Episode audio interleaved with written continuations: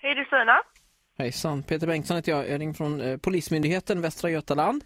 Jaha, hej. Hej, jag har tagit över ditt eh, ärende här. Det gäller det här rånet som var nu. Ja, Du, du var vittne till detta.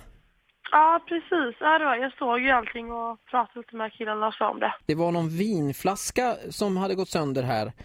Ja, det, den blev jag arg och slängde i marken för att liksom för att få uppmärksamhet att vi skulle sluta liksom. Och då är det så, det är det så att dels så kommer det bli då en liten bötesbelopp till dig då för eh, brott mot miljölagen med den här vinflaskan då. Tråkigt men så är det. Okej, absolut. Ja. Då är det 600 kronor Okej. erkänner du så att säga. Man kan ju... Ja, ja, ja, jag gjorde det. det Ja, det gjorde får du, jag ja. ta så i fall. Så att, Det man eventuellt då skulle kunna tänka sig det är för att eh, nu är det ju så att du har ju inte riktigt åldern inne för att eh, hantera alkohol sådär. men jag är 18. Är jag. Precis ja, men du är ju inte 20 år så du får gå och köpa Nej. den själv. Nej, precis. Vem var det som köpte den där vinaren? Det var jag och min kompis som delade på den, men jag har ingen aning om hon fick tag i den ifrån. Så att, Ja, ja, det är ett ganska vanligt svar. Men det- det, det jag kan säga till dig är att du, du kan absolut slippa de här böterna om du, om du berättar för mig vem det var som köpte den. Då- då kan vi dra ett Eh, streck jag över det. Jag har tyvärr absolut ingen aning. Det var min kompis och så var jag vet faktiskt inte. Kan jag, skulle jag kunna få ett namn och personnummer och adress på din kompis? Eh, ja, Emma Lantz heter hon.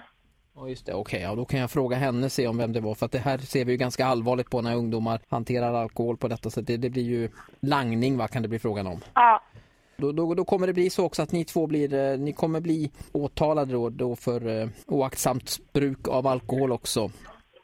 ja, Sen, hade, och sen var det en sak till, de här glasbilderna tyvärr då, eh, det var eh, tyvärr då en hund eh, som hade gått med tassen i den. Så nu finns det en anmälan där också eh, om eh, ringa misshandel mot den här hunden. eh, okej. Där kommer jag också behöva kalla in dig faktiskt på förhör. Det var en dobermann då, det var Lasse Kroners dobermann. Jaha, okej. Ja, och han var ju väldigt ledsen över detta och det, hunden går med, med gips där nu och det var inte roligt. Nej.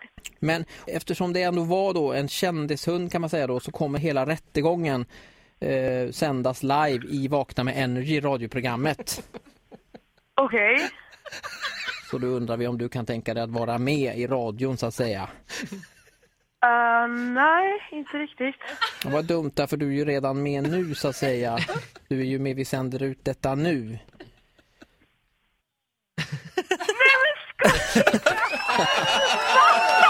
Jag hatar er! Jag hatar er! Jag hatar er! Åh herregud, jag ville bara gråta innan. Fy fan vad ni säger att jag ingenting gör. Usch. Men gud vad kul!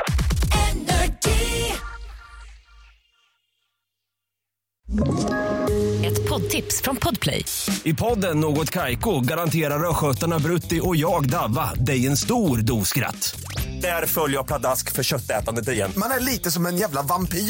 Man har fått lite blodsmak och då måste man ha mer. Udda spaningar, fängslande anekdoter och en och annan arg rant. Jag måste ha mitt kaffe på morgonen för annars är jag ingen trevlig människa. Då är du ingen trevlig människa, punkt. Något Kaiko, hör du på Podplay. Därför arkadeinerna.